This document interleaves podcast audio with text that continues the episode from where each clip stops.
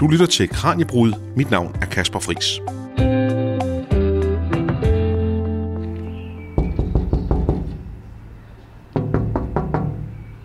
Sådan her lyder altså den allerhotteste teknologi i 1847. Det er Danmarks første lokomotiv, jeg har fået lov at klappe på.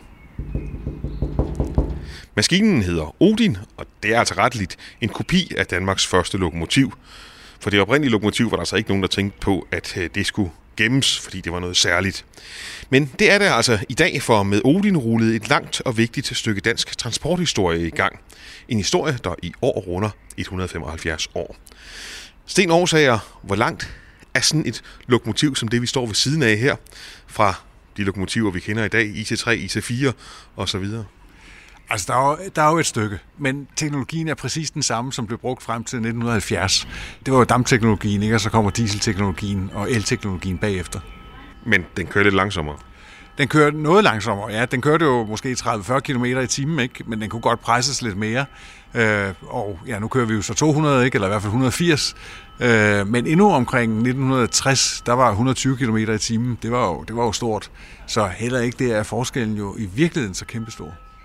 Og så vi kan høre, så ringer klokken, og det gør den altså, fordi at nu skal vi til at i gang med dagens kranjebrud. Vi skal fra Odin til nutidens hurtige tog. Det er nemlig det, vi skal tale om i sommerudgaven af Kranjebrud. Mit navn er Kasper Fris. Velkommen til. Den danske jernbanes 175 år er allerede blevet fejret på Danmarks Jernbanemuseum i Odense, hvor jeg er på besøg i dag. Og faktisk var museets replika af Odin det gamle lokomotiv på skinnerne for nogle uger siden, for at fragte jubilæumsgæster fra hovedbanegården i København, som også var den ene endestation, da det oprindelige lokomotiv satte i gang den 26. juni kl. 11.30 i 1847. Og nu kaldte jeg det endestation, men det var egentlig snarere startstationen. Men den første danske jernbanestrækning gik altså mellem København og Roskilde. Sammen med direktøren for Danmarks Jernbanemuseum, Sten Aarhusager, går jeg i dag ombord i Danmarks jernbanehistorie i de sidste 175 år. Men allerførst skal vi høre et stykke musik.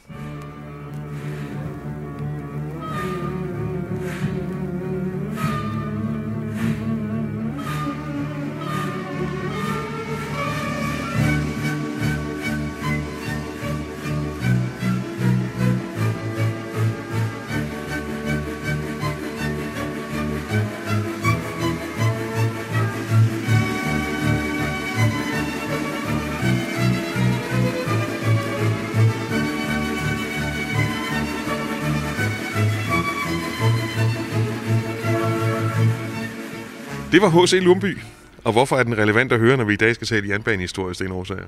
Ja, det, det er den jo, fordi alle kender jernbanegaloppen. Alle kender H.C. Lumby, i hvert fald i den lidt ældre generation, tror jeg. Og øh, så var det jo en stor dag. Musikken var skrevet specielt til København-Roskildebanen, så det hænger så fantastisk smukt sammen. Hvorfor blev Danmarks første jernbane bygget mellem København og Roskilde? Det gjorde den, fordi København jo selvfølgelig er, er det største både industri- og øh, bosættelsesområde øh, på det her tidspunkt, hvis vi lige ser bort fra hertugdømmerne, og det gør vi her. Øh, og øh, så var det også her, pengene var, og det var her, at øh, man var, øh, vidste, hvad der skete i udlandet. Og så var det jo, altså, der var et stort behov for at få transporteret øh, landbrugsvarer ind til byen, øh, så de kunne distribuere, distribueres på, på markederne øh, i København. Så var det, jeg nævnte før, det med, med pengefolkene, ikke? Og de første jernbaner på hertstømmerne i Danmark, de er typisk finansieret ved, ved, aktier, altså ved, at man har købt aktier. Og øh, det var også både nationalt, men det var også internationalt, at der blev købt aktier. Så øh, det er ikke tilfældigt, at det er København. Det er der centrum er. Det er der hovedstaden er. Det skulle være der. Men, men det økonomiske incitament for at drive en jernbane, var det landbrugsvarerne? Jeg tror, at øh, hvis man går ned i det, så øh, hænger det, er det lidt mere kompliceret. Øh, ja, landbrugsvarerne spillede en rolle, men det spillede også en rolle øh, at komme ud af byen. Og så var banen jo faktisk ikke planlagt kun til Roskilde, men den var planlagt til Korsør, og dermed også til færgeforbindelsen til, til Kiel, eller med øh, færgerne, som er skibene over til, til Nyborg, og dermed også til, til landsdelstrafikken, i det omfang, man kan tale om det på det her tidspunkt. Så det er derfor, den er der. Og øh, ja, økonomi og landbrugsvarer, jeg tror faktisk, at øh, det var lige så meget noget med, her er noget nyt. Vi kan se, hvordan det i udlandet har spillet en kolossal stor betydning, og hvordan man også har kunne tjene penge på det. Øh, at byer er blomstret op, at industrier er blomstret op, specielt i England, fordi jernbanen kom. Så der var rigtig mange grunde til at sige, det skal vi også have. Og København-Roskilde, altså i dag lyder det jo bare som en lille bitte smuttur. Det var det ikke dengang, for ellers var det altså på ben eller per hest, man skulle i den retning. Ja, præcis. Og øh, det, det jo betød ikke, det var, som sagt, at man kunne få de der landbrugsvarer. Ikke så meget, tror jeg, som man havde forventet, men det kunne man så få ret hurtigt ind. Men man kunne også komme ud. I første omgang, hvad var den lige, man skulle i Glostrup, hvis man boede i København? Øh, så derfor var det måske mere til restauranten, der var indrettet i, i Banegårdsbygningen i Roskilde, at, at man tog på udflugt, når man skulle på udflugt. Men man kunne også komme til Valby og andre steder på søndagsudflugt, eller nu var der ikke så meget søndagsfri på det her tidspunkt, men hvis man skulle på udflugt. Vi har det første lokomotiv her foran os, står det her klappet på indledningsvis. Så, øh, det ligner jo, altså i længdemæssigt minder det meget godt om det, vi kender, men i forhold til de tog, vi ellers satte af, så er det en del lavere. Hvorfor var det det her tog, der kom til at køre som det første i Danmark? Øh, det var det, fordi det var det, der kunne leveres øh, fra øh, tidens fremmeste øh, lokomotivbyggere, og det var Stevenson i, øh, eller det var Atlas Work og Sharp Brothers øh, her, øh, andre gange var det Stevenson i England. Det var herfra, vi fik det. Der var en kæmpe efterspørgsel efter lokomotiver, og derfor fik øh, selskabet, det sjællandske jernbaneselskab, faktisk ikke de lokomotiver, de egentlig oprindeligt havde ønsket, men de fik de fik dem, nogle af dem, der var, om jeg så må sige, til års, eller ikke, øh, ikke var solgt, og det var så Sharp Brothers, øh, som kunne levere. Øh, så det, det, er ikke, det er faktisk ikke øh, top of the pop øh, i 1847, det her, men det, er, det havde det været i ja, 1844, 45 måske. Så jeg var, det var lidt en stramning, da jeg sagde, det var det allerhotteste teknologi, for ja, det var det, det faktisk kan man godt sige. Jo, det er det jo alligevel ikke, fordi jernbanen er, jo det hotteste på det her tidspunkt, ikke? I, i en større sammenhæng. Ved vi noget om, hvordan den almindelige dansker så på de her ting, som jo altså så helt anderledes ud end alt de kendte? Ja, det gør vi faktisk, fordi øh, befolkningen langs banen, eller der er mange synspunkter på det her, ikke? Øh, der har været lag i København, som har synes, det var helt fantastisk og svaret til, hvad man måske havde været set i udlandet. Måske havde man på rejse. Men øh, lokalbefolkningen mellem København og Roskilde, øh, de var, som vi også ser det mange gange senere, egentlig lidt bekymret over det her nymodens øh, fænomen. Og faktisk var der mange retssager øh, lige efter åbningen af banen, øh, hvor folk ikke kunne finde ud af, at de ikke måtte gå på, på sporet, for det kunne være farligt. Øh, der var også folk, som ikke synes, de, altså, som synes, de skulle have større erstatning, for de grunde, de måtte afgive, det var jo ekspropriation. Det er egentlig første gang, man sådan for alvor ser ekspropriationsgrebet øh, taget i brug i Danmark. Og øh, der var også nogen, der var nervøse for, for det her. Øh, hvad var det? Kunne, det? kunne det gøre deres heste bange? Og det kunne det faktisk. Øh, fordi de der pifter og tuden og raslen og så videre, det kunne faktisk godt forskrække øh, heste. Og de kunne så, de kunne så drøne afsted, når, hvis, de blev, hvis de blev bange. Og det skete faktisk også. Og øh, så var der gnister fra skorstenen, det kunne også sætte ild til marker. Øh, og det gjorde det også. Øh, og ja, så skulle der også erstatning for det, og det skulle slukkes. Men ja, så var der jo nye måder faktisk at, at komme hjem fra byen på også, hvis man kun skulle til, til Valby for eksempel. Ikke? Og folk, og folk de vendede sig til de, de der små til det, ikke? Men der gik godt nok lidt tid, ikke? Og altså langt op i ja, 1800-tallet, for eksempel i, på Nordfyn i 1880'erne, ikke? Der har gentaget det sig igen. Øh, folk er lidt nervøse for, hvad det her er, og er bange for deres heste, og der er folk, der, der prøver alverdens ting øh, for at vende deres heste til det, uden, uden det store held. For eksempel at lade hestene sætte i fuld, fuld fart hen mod, mod et tog, og så bremse det op, øh, eller bremse hestene, eller stoppe hestene lige før toget. Det lykkedes så ikke altid. Så det vil sige, at i 1880'erne var der kommet jernbane på Nordfyn.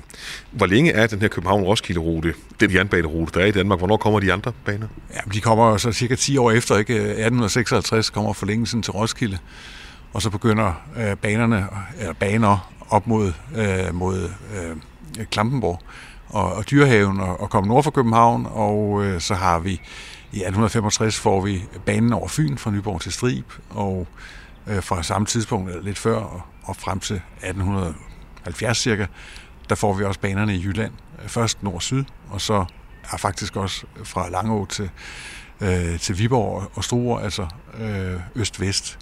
Så omkring 1880, øh, der er det, vi kunne kalde hovedbanenettet, øh, det er øh, færdigbygget, eller i hvert fald planlagt færdigbygget, så man kan komme fra alle alle store byer øh, i Danmark øh, til alle andre store byer, og også til en lang række landstationer.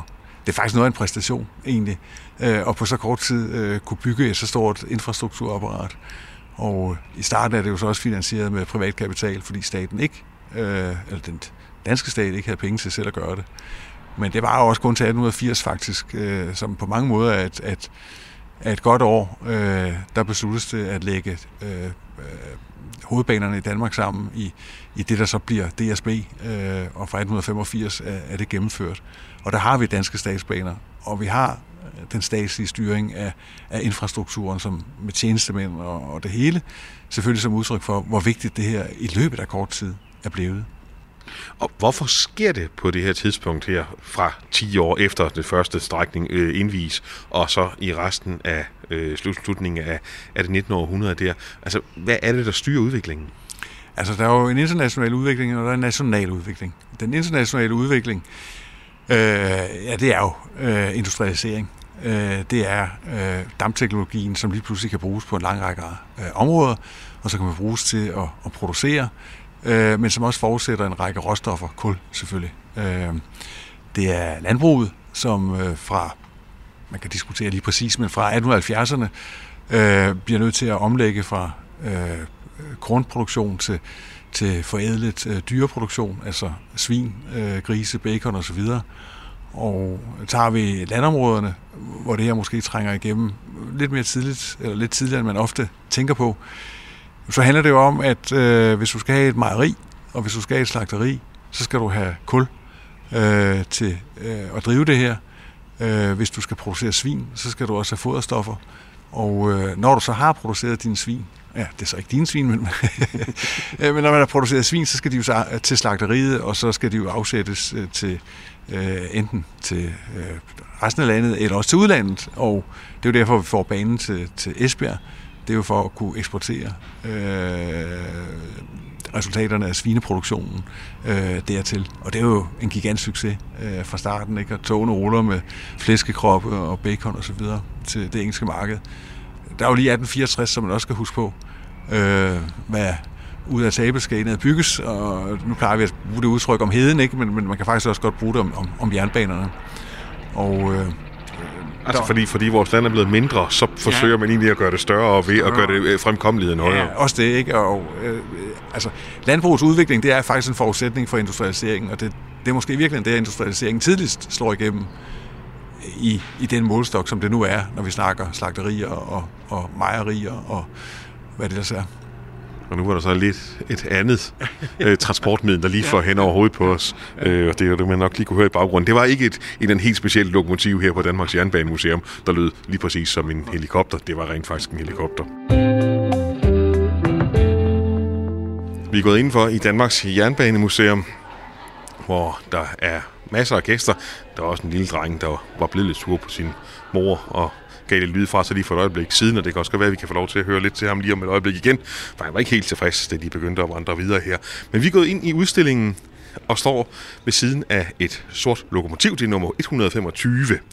Og direktør Sten Aarhus sagde, hvad, hvad er det for et lokomotiv, du vil vise os her? Jeg vil gerne vise et sidebanelokomotiv, øh, som det blev bygget der omkring 1880 til de her sidebaner, der nu var på vej.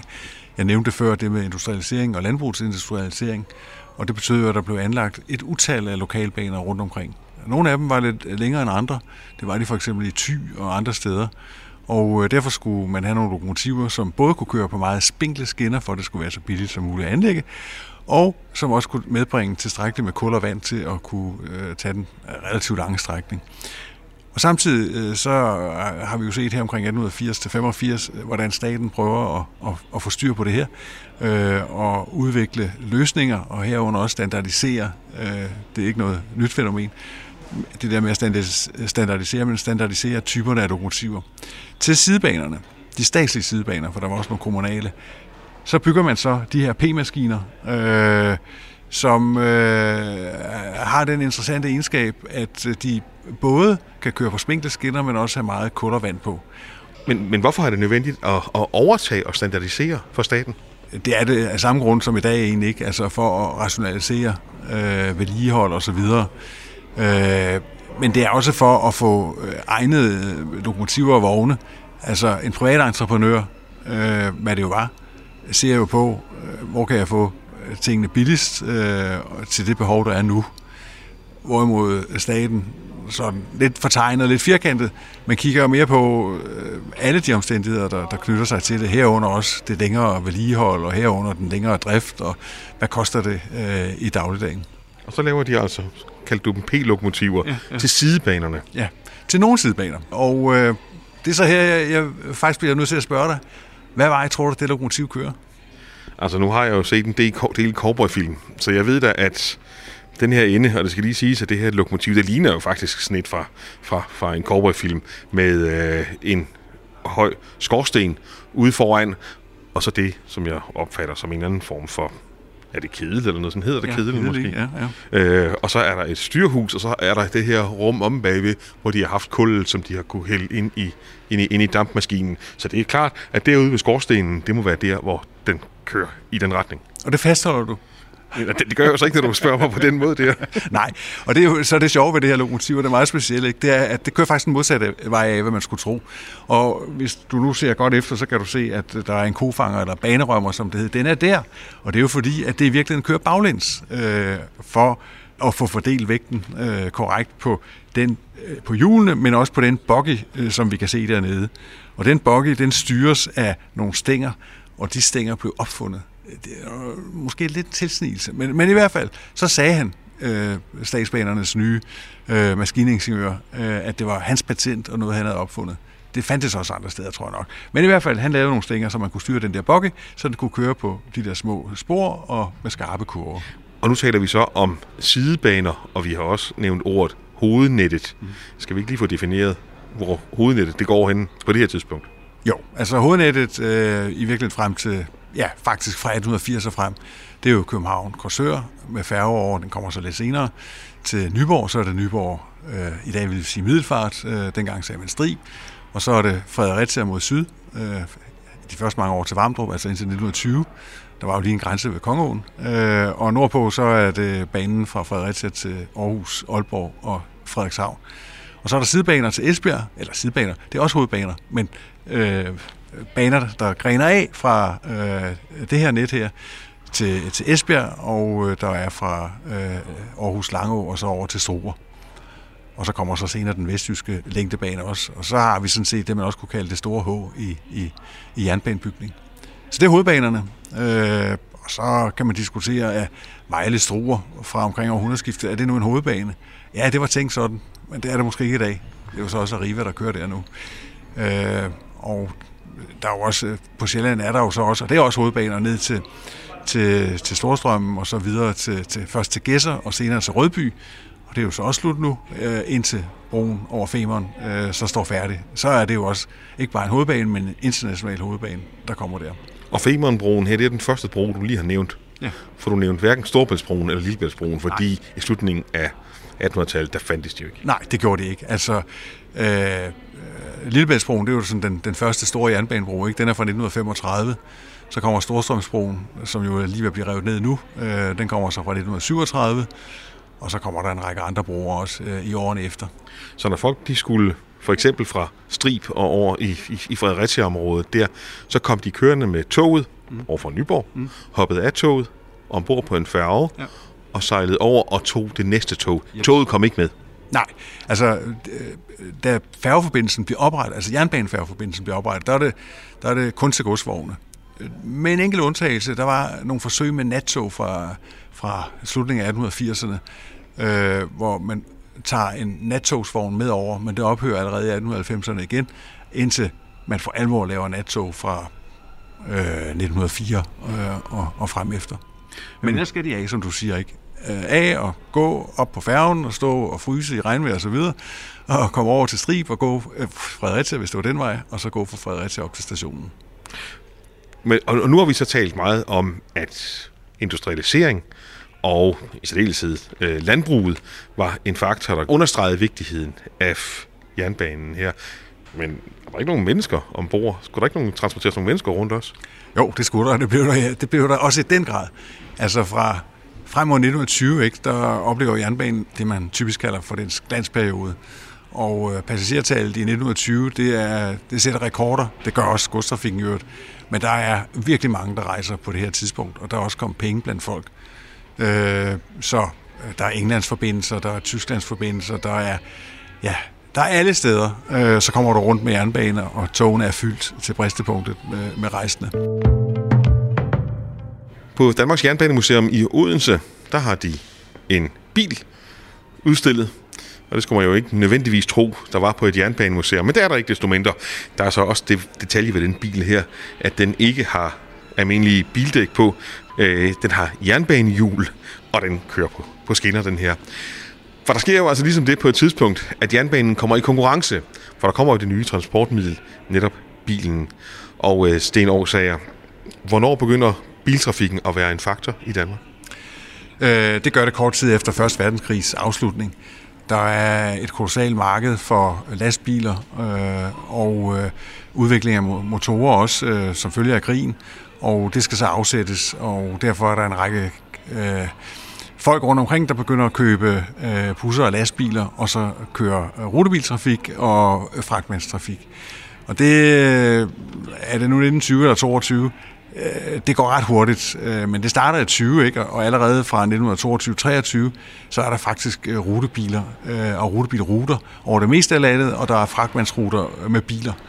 Det er ikke en konkurrent til, til, til landstrafikken på hovedbanenettet, som vi snakkede om før, men det er en stor konkurrent til de små lokalbaner, hvis økonomi kun lige, selv i de allerbedste år, øh, med det yderste neglene, kunne siges at være, øh, også hvis man lavede nogle fine regnskabsopstillinger, øh, var, var øh, overskudsgivende.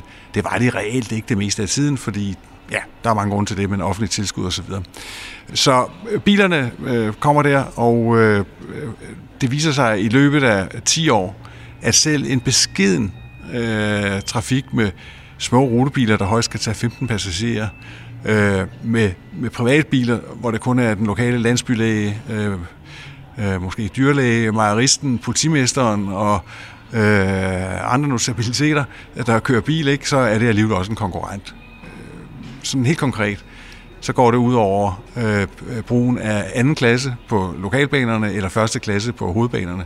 Fordi det publikum, som kørte på de dyrere klasser, det er også dem, der selvfølgelig først kører biler. Men det går meget hurtigere med denne udvikling, end det egentlig gør med jernbanen, da den starter i 1847. Der gik noget tid, før at der kom andre øh, ruter, og måske ja. i virkeligheden også før folk for alvor begyndte at gå, gå, gå ombord i togen. Ja, det, kan man, altså det går lynende hurtigt, det her. Og øh, det bliver jo sådan allemands, øh, og også den lille mands øh, transportmiddel, er der mange, der siger. Øh, så hver gang man prøver at lave indgreb øh, og, og forsøger at regulere trafikken til fordel for, for, for banerne, så rejser der sig jo det ene protestkrig efter det andet, fordi øh, har man først fået en, en bilrute, der kører direkte fra ens landsby til, til den lokale øh, store by, øh, så er man ikke meget for at skulle skifte. Og øh, ja, det ser vi så over i landet. Men det betyder også, at de første baner allerede begynder at lukke der fra omkring 1920.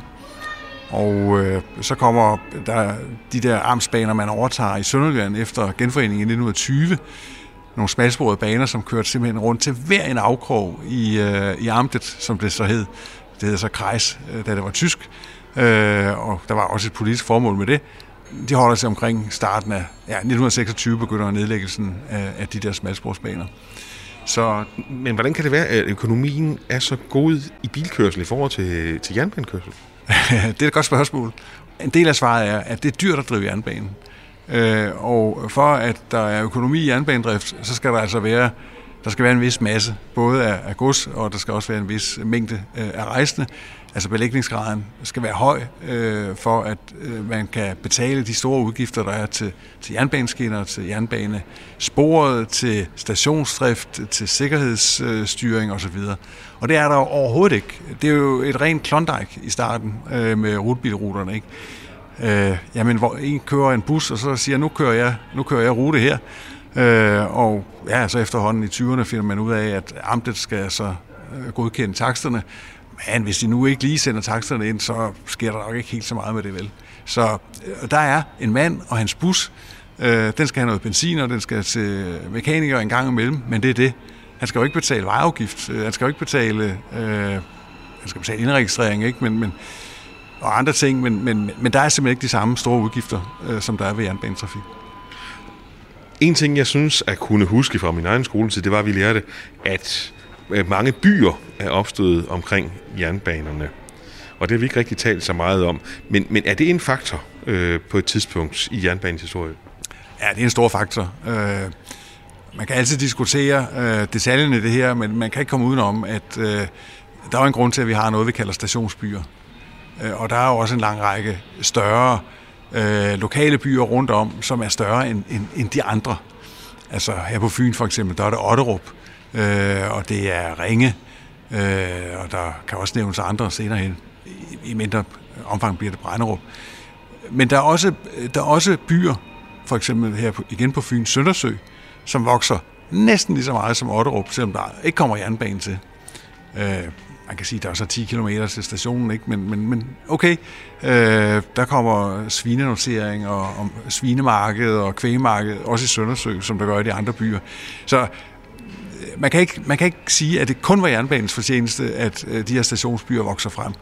Det er jernbanens, øh, om man så må sige, fortjeneste i meget stort omfang, men ikke 100 procent, at vi får øh, en lang række faktisk meget livskraftige øh, mindre byer, og hvad betyder det så i forhold til, den her, til byernes udvikling, at jernbanen som mister en lille smule af dens kraft i takt med, at bilerne kommer til? Det betyder, at, øh, at bydannelsen øh, hører op, øh, og at der reelt ikke rigtig er nogen, øh, i hvert fald ikke i større omfang, øh, bydannelse som følge af jernbane øh, fra, skal vi sige, 1920 øh, og frem. Altså, der er jo nogen, altså Aarhus og Ålestrup, der er så mange jernbaneansatte, så de i sig selv øh, øh, giver anledning til vækst. Ikke? Øh, men ellers øh, er, det, er det ikke ude på landet, eller i landområderne, at, at jernbanen der giver øh, bydannelse. Og, men til gengæld gør den det jo så i de store byer. Altså København er jo helt oplagt øh, med S-banen, og, og det der det er så ikke i 30'erne, men, men senere bliver så fingerplanen, ikke? det er, at at for at folk kan øh, finde øh, steder at bo, ikke, så rykker man længere og længere ud på først i brokvartererne og siden ud i, i forstederne. Øh, Hvidovre, øh, ja, Valby Frederiksberg, som jo var forsteder i virkeligheden på et tidspunkt. Ikke? Og til sidst øh, Glostrup og, og hele vejen mod, mod Roskilde og også nordpå af, af kystbanen. Ikke? Så på den måde får jernbanen også stor betydning for bosætningen øh, i de større byområder øh, efter 1920. Og nu skal vi se, om vi kan komme ind i det her store sorte tog. Det er nummer 994. Og det er ikke helt bygget til folk på 1,88 meter og et stykke over 100 kilo. Men det lykkedes mig dog alligevel at komme ind i, i lokomotivet her sammen med direktør Sten Aarhusager fra Danmarks øh, Jernbanemuseum. Sten, hvad er så det særlige ved det tog her? Det særlige ved det her tog, det er, at det er det største danskbyggede damplokomotiv. Øh, og det særlige ved det er, og det er virkelig så ikke særligt, men det er, at det er jo ikke dansk. Øh, det er faktisk et lokomotiv, som er bygget efter svenske tegninger fra før 1. verdenskrig. Øh, har stor succes i Sverige, kører på stambanerne der. Øh, men øh, i Sverige har man jo vandkraft, og derfor også overgår meget tidligt til elektrificering på hovedbanerne og så bliver de her lokomotiver overflødige. Og i Danmark, øh, der har vi jo altid økonomiske problemer, og hvor mange penge er det nu, vi vil bruge på vores øh, infrastruktur, og så viser det sig, at nøj, så kan vi købe 12 øh, brugte lokomotiver til skrotprisen. Og øh, det gør Danmark så. Øh, stor fornøjelse, og vi får så 12 e-maskiner, øh, som bliver bygget om til vores højrekørsel, og det viser sig lynhurtigt, at de kan altså køre et ekspresstog fra Nyborg til Aarhus på langt, langt hurtigere, end det er sket før, og øh, de kan trække større godstog. Så det er jo helt fantastisk. Og, og når du så siger, at de kører hele vejen fra Nyborg til Aarhus, så har du lige fået placeret en Lillebæltsbro der. Jeps, øh, det må have været flot at se e-maskinerne drøne over Lillebæltsbroen fra 1935, måske med et lyntog, som også var fra 1935, øh, i modsat retning. Øh, men det kunne de, og øh, det der, når du spørger, hvorfor er det interessant, øh, så er lokomotivet her interessant, fordi så når vi jo op omkring øh, slutningen af 30'erne, øh, en krise truer, og i 1939 udbryder verdenskrigen, og vi bliver, landet bliver besat osv. i 1940, og behovet for jernbanetransport vokser igen. Øh, ikke nødvendigvis øh, til, til, til nye produkter, men simpelthen til øh, de produkter, som vi nu må, øh, han har sagt, nøjes med øh, at få fra øh, hjemmeproduktionen, altså brændsel for eksempel. Ikke? Øh, der er et stort behov for, for jernbanen til det. Og der er de her jo fantastiske. Så øh, samme øvrigt en anden lokomotivtype også, men, men det er en detalje. Så beslutningen bliver øh, egentlig i løbet af krigen at, at, at bygge flere efter de her svenske tegninger fra 1913.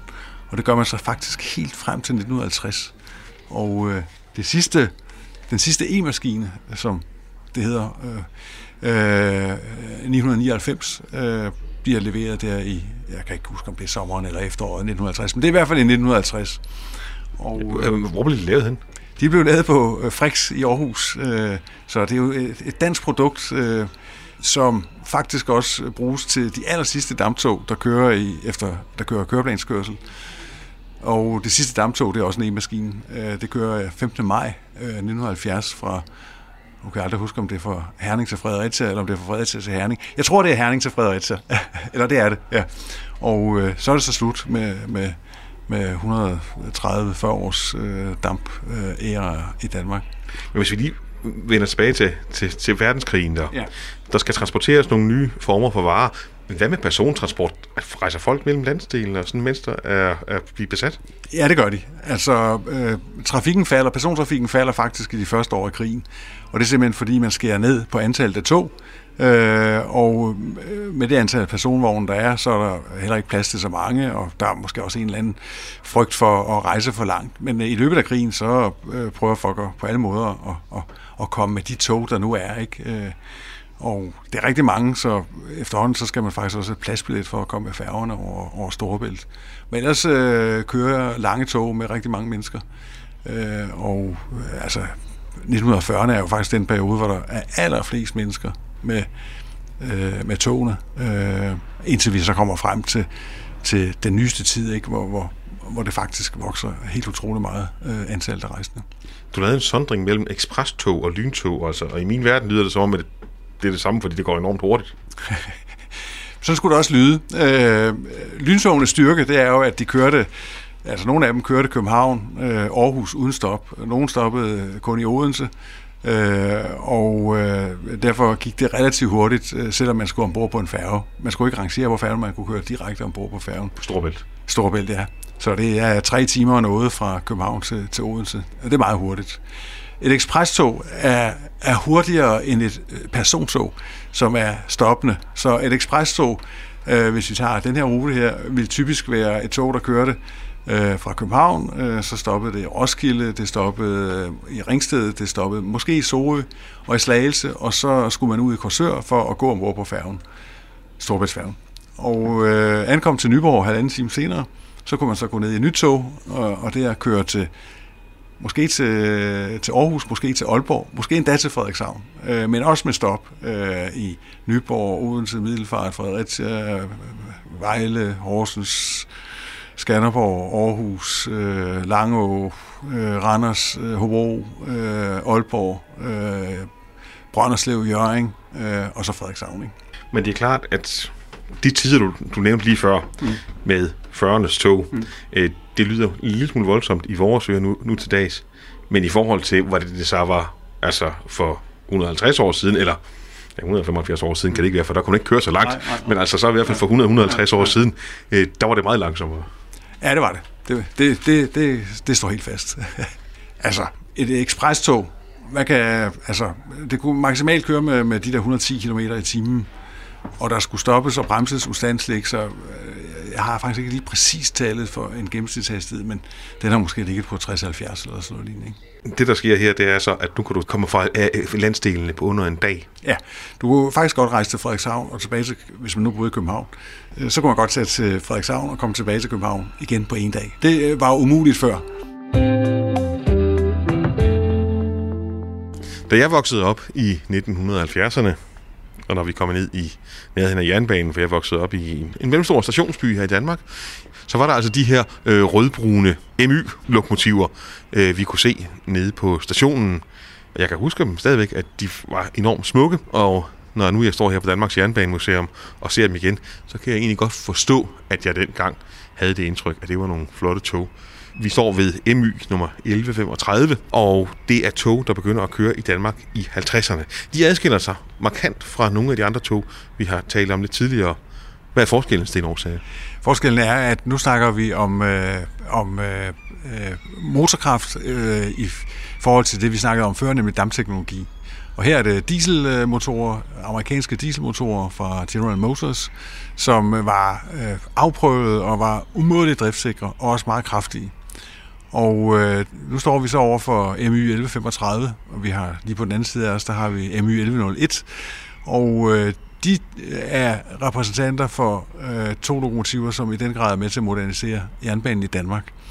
Øh, de kan trække store godstog, store persontog med 110-120 km i timen uden problemer, øh, og med en langt mindre bemanding øh, end et damplokomotiv. Øh, det er noget med, at, at udgiften per kørt kilometer er øh, i hvert fald to tredjedel af, af udgiften per kørt damplokomotivkilometer. Så det er meget, meget fantastisk, og det er et stort nybrud for, for DSB og, og for de her lokomotiver til at køre. Hvorfor kommer det der i 50'erne? Øh, det gør det, fordi øh, vi, øh, DSB og andre øh, er begyndt at kigge på, hvordan det er begyndt at give underskud igen øh, i jernbanedriften. Så hvordan kan vi gøre det her mere effektivt, hvordan kan vi gøre det billigere? Hvad er der af muligheder? Og lige efter krigen er der nogle folk, der tager på studierejse til USA for at se, hvordan gør man der. Og der kører man med GM-motorer i diesellokomotiver. Og man kan også tage over på den anden side af sundet og se, øh, der kører man enten el eller også diesel. Ikke? Øh, der er også stadigvæk lidt damp tilbage. Så øh, det, er bare, øh, det er bare fremtiden, øh, det her. Og øh, problemet er så at få valuta, og som så vanligt at skaffe midler øh, til at købe de her lokomotiver. Men det lykkedes faktisk også at finde en, en, en ordning på det, så vi fra 1954 kan se de første Y-lokomotiver på, på danske skinner. Og så bliver de altså anskaffet sammen med en lillebror og lillesøster, som hed MX, øh, op, til, op i 60'erne øh, i et styktal på, på over 100 og øh, omkring 100, og øh, det er så, som du også selv var inde på, det indbegrebet af, af danske jernbaner i denne periode her, i hvert fald statsbaner, det er de her mylokomotiver. Er det nogle af stjernerne i jeres samling, eller er det kun for, for, for den generation, som jeg tilhører? Nej, det er i den grad øh, en stjerne i vores samling, øh, også for nye generationer. Og jeg kan fortælle, at vi øh, en gang lige før sommerferien havde vi besøg af vores transportminister, som også var ude at køre en tur på førerpladsen med et MY-lokomotiv, og hun var meget begejstret. Hvilken betydning får det så for det danske samfund, at vi får de her mere omkostningslempelige øh, øh, lokomotiver og tog? Altså, det får, det får den betydning, at øh, jernbanen virker mere moderne. Øh, det får også den betydning, at det bliver billigere øh, at drive jernbanen, og øh, nu er det lidt svært at sige billigere i den her sammenhæng, fordi der er altså, der er altså underskud. Øh, men man kan diskutere, hvor stort underskud det er frem til begyndelsen af 60'erne. Øh, efter 1960, 61, 62, der kan man ikke diskutere, at der er et underskud. Det er der, men man kan lave forskellige regnskabsopstillinger. Og frem til ja, det tidspunkt, så er der der er underskud i perioder, ikke? Øh, men det er måske endnu til at leve med. Er det fordi jernbanen kører på en anden måde end, end tidligere? Tidligere har du nævnt, at i nogle perioder, der skræntede de, men, men nu får de mere eller mindre permanente underskud. Det hænger sammen med, at velfærdssamfundet er på vej. Øh, øh, udgifter til personale vokser øh, rigtig, rigtig meget. Øh, til pensioner, altså sociale udgifter, stiger voldsomt. Øh, brændstofudgiften, den falder faktisk i den her periode, så det er ikke det. Men, men det er altså det er altså personaleudgifterne, der, der bliver store, og så er det de konstante krav til, øh, til at leve op til det, som samtiden kræver. Og øh, jernbaner har lidt en tendens til at være lidt bagud efter øh, teknologien øh, i et øh, om, omkring øh, liggende samfund, fordi det, der bliver lavet, er så holdbart. Ikke? Et, et, de her lokomotiver, der er jo nogle af dem, der kører nu, altså her 70 år efter. Ikke? Det er heller ikke usædvanligt, at, at lokomotiver og vogne kører 30, 40, 50 år. Og der sker altså lige noget i, den, i sådan en periode der. Hvor sker der nogle forandringer i forhold til, hvad togene kører med? Altså der sker den forandring, at op gennem 50'erne og starten af 60'erne, ikke, der forsvinder øh, persontrafikken på øh, nærbaner, nej ikke nærbaner, på lokalbaner øh, i stort omfang. Men på, til gengæld stiger trafikken så øh, på udlandstrafikken for øh, omkring, fra omkring 1950 og frem der kan man godt begynde at ane, øh, at der er ved at ske noget, og folk får lyst til at komme ud. Så det, jeg vil ikke sige, det er almindeligt, men, men der bliver rigtig, efterhånden rigtig, rigtig mange forbindelser med tog til udlandet, og de bliver meget, meget hyppigt brugt, også op i 1960'erne og frem til 1970, øh, hvor det så bliver Interrail, øh, der, der overtager, om jeg så må sige, øh, billedet på det tidspunkt der. Og for godstrafikens vedkommende, så er det jo, det er jo velfærdssamfundet, vi begynder at se udfolde sig fra, skal vi sige, fra 1957 og frem. Øh, og øh, det er jo så import af alle mulige forbrugsvarer fra Tyskland, og det er frugt og grønt fra Italien og øh, Spanien måske også, i hvert fald Italien. Og øh, ja, og, og det fører faktisk til, øh, at godstrafikken øh, stiger meget, meget, vold, meget, meget betydeligt øh, i den her periode, og når et omfang, som, øh, som er langt, langt større i, i alle andre foregående perioder, hvis vi ser bort fra 1. verdenskrig og, og 2. verdenskrig. Men i dag, der synes jeg ikke rigtigt, at jeg hører noget om godstrafik på, på jernbanen. Ikke meget i hvert fald. Så hvad sker der egentlig med den godstrafik, som så altså blomstrer i siger du 60'erne og 70'erne? Hvad sker der med den? Der, der sker jo så det, at, at øh, vejtrafikken, også lastbilerne, bliver så store, så øh, konkurrencen for dem øh, bliver større og større. Ikke? Altså, det, er også, det er også billigere at få for meget, mange veje i hvert fald øh, med lastbil, fordi de skal ikke lastes om så mange steder, som, som man skal med tog. Så fra 1980'erne, der ser vi så en nedadgående tendens, øh, og den kulminerer så øh, der omkring slutningen af årtusind, årtusindet, hvor øh, jernbanetrafikken også bliver konkurrenceudsat øh, til del som, som følge, eller blandt andet i sammenhæng med, med krav fra EU, eller EF, som det er EU, som det hedder på det her tidspunkt. Og øh, øh, i to, omkring år 2000, der stopper faktisk national øh, dansk øh, godstrafik. Men, men hvad er det for en konkurrence, EU dikterer? Øh, EU, øh, jeg tror egentlig også, der er en politisk øh, interesse i det, ikke? Men, men det er, at, at jernbanetrafik, ligesom alle andre øh, ydelser, øh, at, at, at de skal udbydes på en måde, øh, så man får, altså, skatteyderne får de bedste, øh, det meste for pengene. Øh, og det betyder, at godstrafik Øh, det må ikke være have statstilskud, øh, i hvert fald kun begrænset. Øh, og, øh, og det betyder så, at øh, hvem vil byde ind her, ikke? Og, og DSB var, og gods var stærkt underskudsgivende på det her tidspunkt, og der var mange desperate forsøg på at, at vinde markedet tilbage, og det lykkedes faktisk ikke rigtigt. Så øh, det bliver jo så DB Cargo, som det hedder i dag, altså, øh, og en række andre foretagender, øh, som øh, har vundet og vinder øh, de der udbud, der er med jævne øh, mellemrum. Men er det alene godstrafikken, eller handler det også om passagertrafikken? Det burde også handle om passagertrafikken, og øh, derfor ser vi jo så også, at øh, den bliver udbudt øh, forskellige steder. Arriva øh, vinder trafikken og har den stadigvæk øh, i Midtjylland og Vestjylland, og øh, øh, har så også fået Svendborgbanen med nu. Øh, Øh, noget af DSB's og, og de andre øh, offentlige ejede øh, lokalbaneselskaber, øh, de kørte jo så på nogle kontrakter, øh, fordi øh, at, at økonomien er så dårlig øh, i det, at øh, der ikke er ret mange private, øh, der vil køre det.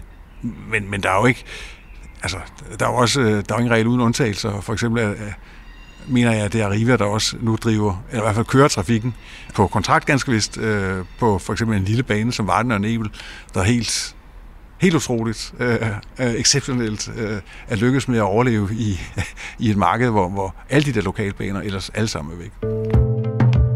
I dag der ved man jo, øh, når man er ude og køre tog, hvis man kører på, på hovedbanenettet, at så er det DSB, der er ansvarlig for togene, og Banen Danmark er ansvarlig for stationer og for skinner. Men Tidligere var det jo samme geschæft. Er det ikke korrekt, Sten Aarhusager? Jo, det er helt korrekt. Frem til 1997, øh, så var det jo DSB, der både stod for vedligehold af, af spor og, og, og drev øh, jernbanetrafikken.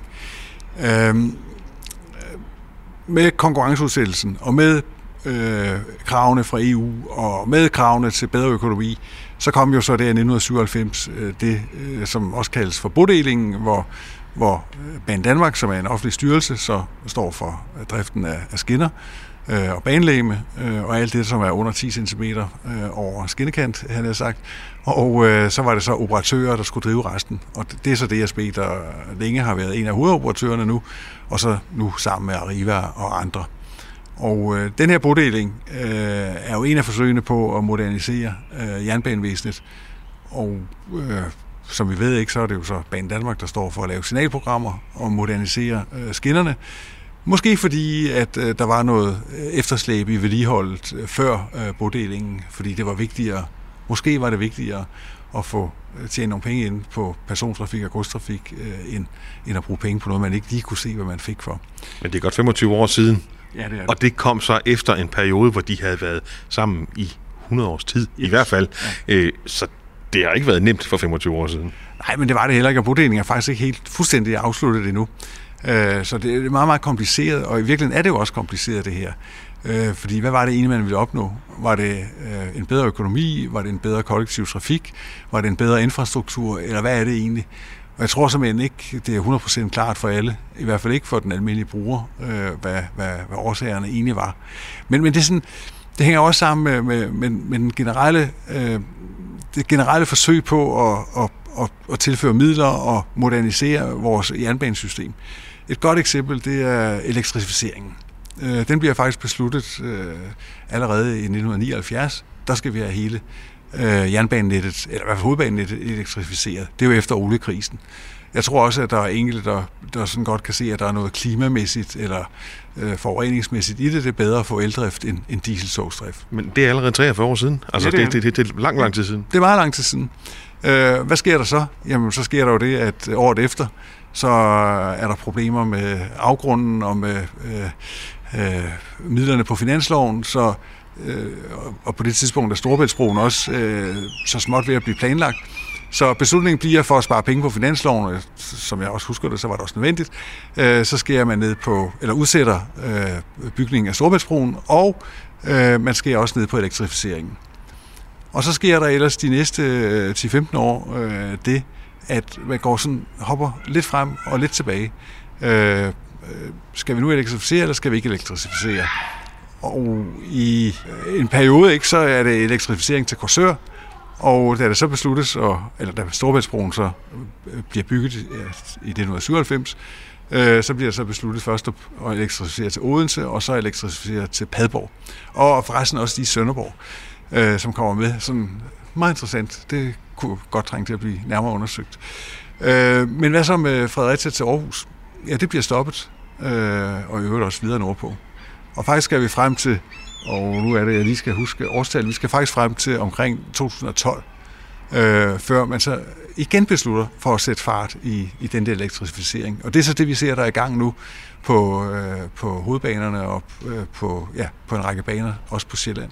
Det er derfor folk lige en gang imellem kan høre, at der er altså udsættelse af arealer, der er indsats på, ja. hvad hedder det, togbusser og så videre. Øh, øh, lige nu er, er det for eksempel, eller øh, lige her før sommerferien, ikke, der var det typisk mellem øh, Aarhus og Aalborg, det var galt, eller galt, men, men der, der, der skete noget, ikke, og der er også på Sjælland øh, ombygning af Slagelse station, og, øh, som er afsluttet nu, øh, og en række andre steder.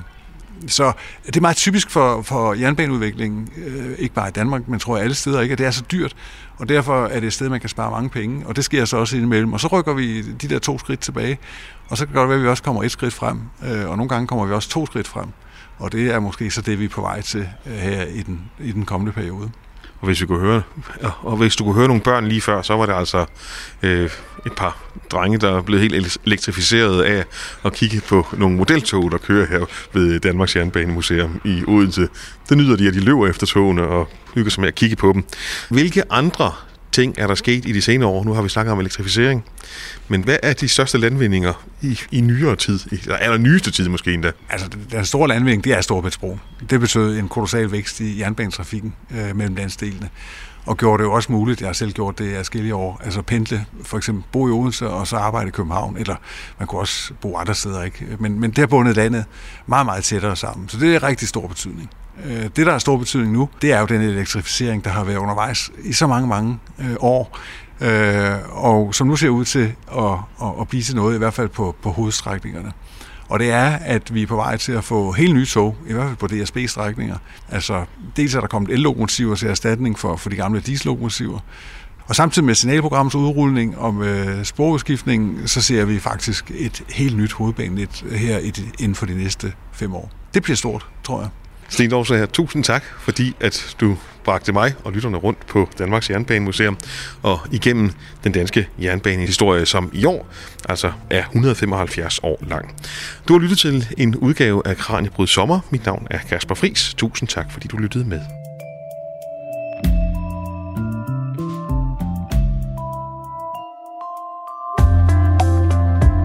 Programmet er produceret af Videnslyd for Radio 4.